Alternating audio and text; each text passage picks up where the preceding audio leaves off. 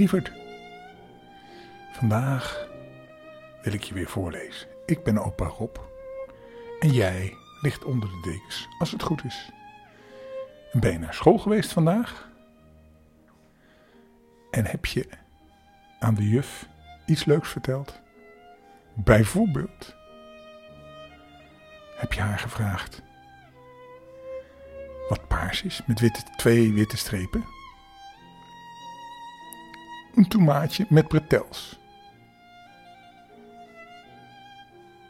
Maar dan zegt de juf, maar een tomaat is toch groot? Ja, dat klopt.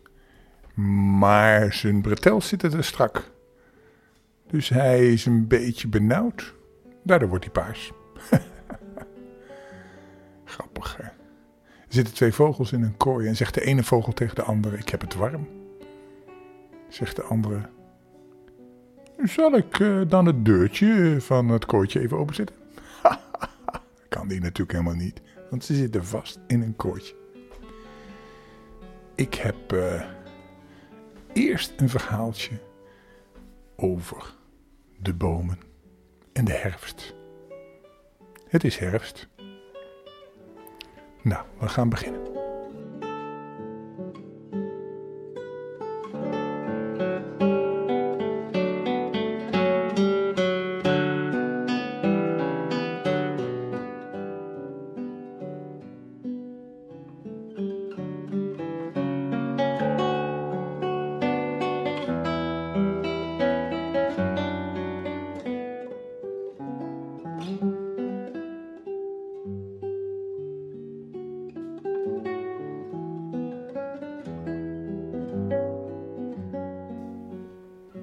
Waarom de bomen in herfst geel worden.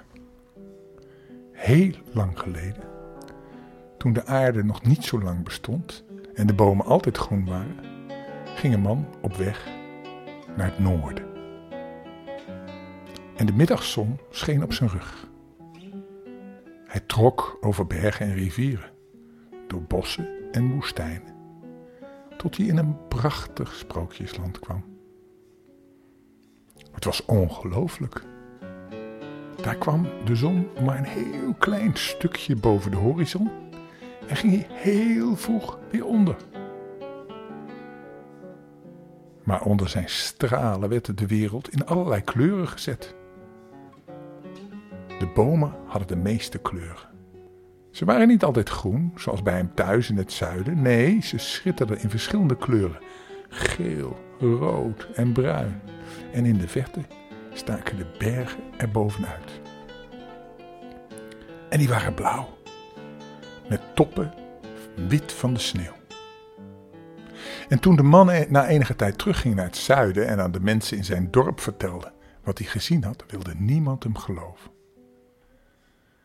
Dat is een sprookje, zeiden ze tegen hem en ze lachten hem uit. De bomen zijn toch nooit geel, rood of bruin? En toch is het waar. Ik heb het met mijn eigen ogen gezien, zei de man. Als jullie me niet geloven, ga dan zelf maar kijken. Maar de dorpsbewoners waren gemeen. En ze zeiden: Als je wilt dat wij je geloven, ga dan zelf nog een keer. En neem dan een tak van zo'n rode, gele of bruine boom, boom mee. Oké, zei de man. Dat zal ik doen. En hij ging opnieuw de lange weg naar het noorden. Er was een hele tijd voorbij gegaan en de man was nog altijd niet terug.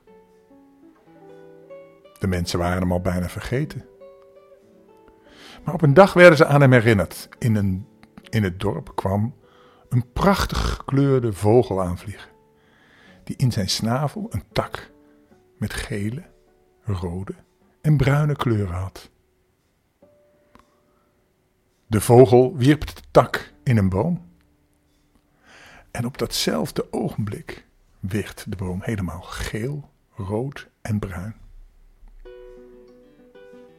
De gekleurde vogel was de man die naar het noorden gegaan was. En toen de mensen allemaal kwamen kijken, krijste hij, alsof hij hen uitlachte, en hij vloog weg. Maar de tak met de herfstbladeren liet hij liggen En vanaf die tijd verloren alle bomen in de herfst gele, rode en bruine blaadjes.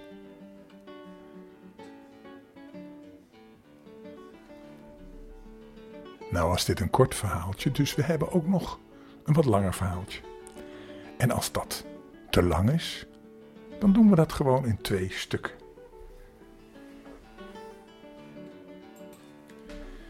En het verhaal heet De Vliegende Hollander. Je weet hè, dat Hollanders zijn echte scheepsvaarders geweest. In alle eeuwen hebben ze de zeeën bevaren. En daar komt het verhaal van de Vliegende Hollander vandaan. Wild joeg de stormland inwaarts. De zee rolde schuimend op de kade af en beukte tegen de baksportzijde van het enige schip dat aangemeerd lag. Een zwaar beladen vrachtvaarder, dus een vrachtboot met bestemming Oost-Indië. Het weer was zo slecht dat geen van de bewanningsleden zich aan dek durfde te wagen. Alleen de kapitein, een grote vierkante kerel met stalen zenuwen en een ruwe inborst, stond somber op de voorplecht. Hij keek met bliksemende ogen naar de opgezweepte golven die hem beletten het vertrek zijn te geven. Door allerlei tegenslagen had hij de afvaart al enkele dagen moeten uitstellen. En nu dwarsboomde die ellendige storm hem in zijn plannen zo gauw mogelijk met zijn kostbare lading zee te kiezen. Met gebalde vuisten stond hij daar op de voortplecht en hij vloekte. Wie of wat waagde het hem, de meest onbevreesde en dapperste schipper ter wereld, te dwarsbomen? Had hij zijn schip niet door de ruwste stormen gelaveerd? Langs verraderlijke klippen en zandbanken? Was hij niet sneller dan alle andere schepen van de compagnie naar de oost gevaren? Had hij niet dan tientallen malen bewezen dat geen zee hem te hoog was en geen storm te woest? Hij hield van de gevaren van het zeemansleven. En hij was er ook tegen opgewassen. Zijn mannen voelden zich volkomen veilig onder zijn leiding en voerden zijn bevelen prompt uit, zonder te morren en zonder vragen te stellen. Ze wisten dat ze op zijn beslissingen konden bouwen en ze vonden dat dan ook niet erg. Hij ging als een bullebak tekeer om zijn doel te bereiken. Maar dat was niet erg. Ten slotte was de kapitein de baas aan boord. En hij had hen door de hachelijkste avonturen altijd weer veilig thuisgebracht. Ja, de bemanning van de Oost-Indiëvaarder had ontzag voor deze schipper. En ze gingen voor hem door het vuur. Al was hij nog zo eigenwijs en driftig. Maar nu maakte hij toch werkelijk een beetje te. Terwijl de storm in het wand huilde. Het wand is, uh, is het net aan de zijkant van de boot. En als daar de storm doorheen gaat, dan lijkt het net op gehuil. En de schuimende golven tegen de boeg beukten, verscheen hij grommend tussen deks en deelde op luide toon mee: Weer of geen weer, morgenochtend om zes uur varen we uit.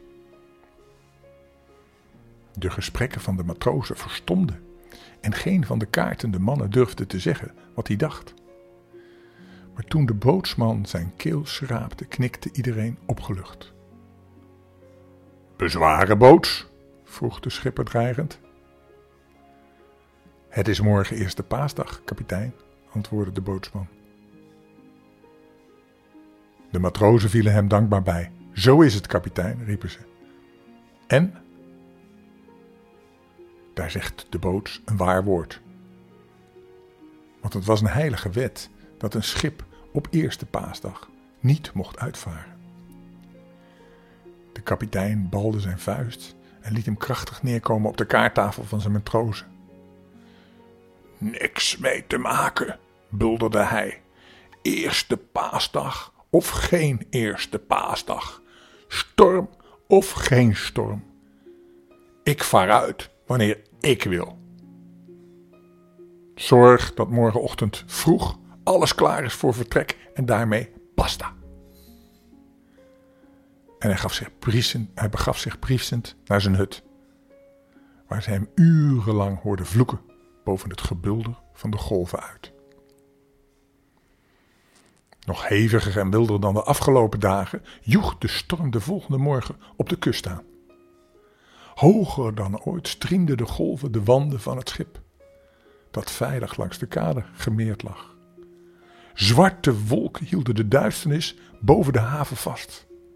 Maar toch schalde de stem van de roekeloze kapitein over het dek. Hijs de zeilen! Anker lichten! We vertrekken! Het klonk bijna juichend, alsof het stoere bevel van deze kapitein de storm kon doen luwen. De stuurman waagde nog een voorzichtig protest. Kapitein, zei hij, het is vandaag eerste paasdag. En de mannen hebben er eigenlijk bezwaar tegen om op zo'n hoogtijdag uit te varen. Maar de kapitein lachte hem uit. Ik ben de baas, stond hij, en ik zeg dat we het anker lichten. Storm of geen storm. Pasen of geen Pasen. De matrozen vlogen joelend de touw in. Hun schipper was een moedig man. En als hij het verantwoord om uit te varen, was het verantwoord. Wat drommel. Had hij hen niet door de wildste zeeën gevoerd en langs de gevaarlijkste kapen?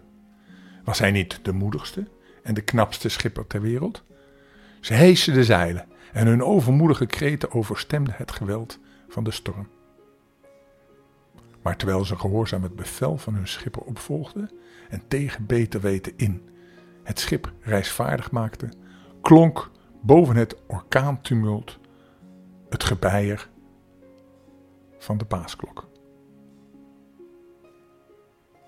Het is Pasen, kapitein, probeerde de stuurman nog eens voorzichtig. En de kapitein vloekte krachtig. Wat nou Pasen, prieste hij. Ik heb gezegd dat we uitvaren. En dus varen we uit. Al zou ik tot de eeuwigheid moeten doorvaren. We gaan. De matrozen waren er stil van. Maar ze werkten toch maar snel door. De kapitein van een nabijgelegen gemeerde vrachtboot kwam naar de reding en riep door zijn scheepstoeter: Wat krijgen we nou? Varen jullie uit? De trotse schipper lachte honend. En waarom niet? schreeuwde hij terug. Man, je bent gek, daar komen brokken van. Het is Pasen. En bovendien kun je in zo'n vreselijke storm toch geen mijl trotseren. Dat zullen we nog wel zien, antwoordde de zelfverzekerde schipper. In ieder geval, we varen uit. Hij gaf opdracht alle zeilen bij te zetten en toen de grote witte doeken onheilspijlend in de wind klapperden, beval hij de ankers te lichten.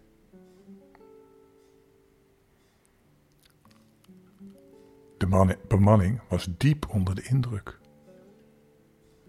Hun schipper was een kerel uit één stuk, een durfal. Wat had hij ook alweer gezegd? Al zou ik tot in de eeuwigheid moeten doorvaren, we gaan. Haastig legden ze de laatste hand aan de werkzaamheden, terwijl de kapitein ongeduldig op het dek heen en weer stampte. De bootsman zocht hem op om te melden dat alles in gereedheid was voor vertrek. En in de verte bijerde de paasklok. Nou, dit is het eerste deel van het fantastische verhaal De Vliegende Hollander. Morgen gaan we het tweede deel luisteren. Het wordt vast heel spannend, want de storm is toch iets om te trotseren. Maar ja, nu gaan we eerst lekker slapen en dromen van dat grote schip en die grote kapitein die zo enorm woest is en per se wil gaan varen. Ga maar lekker dromen. Wel rust hè. Tot morgen. Dag.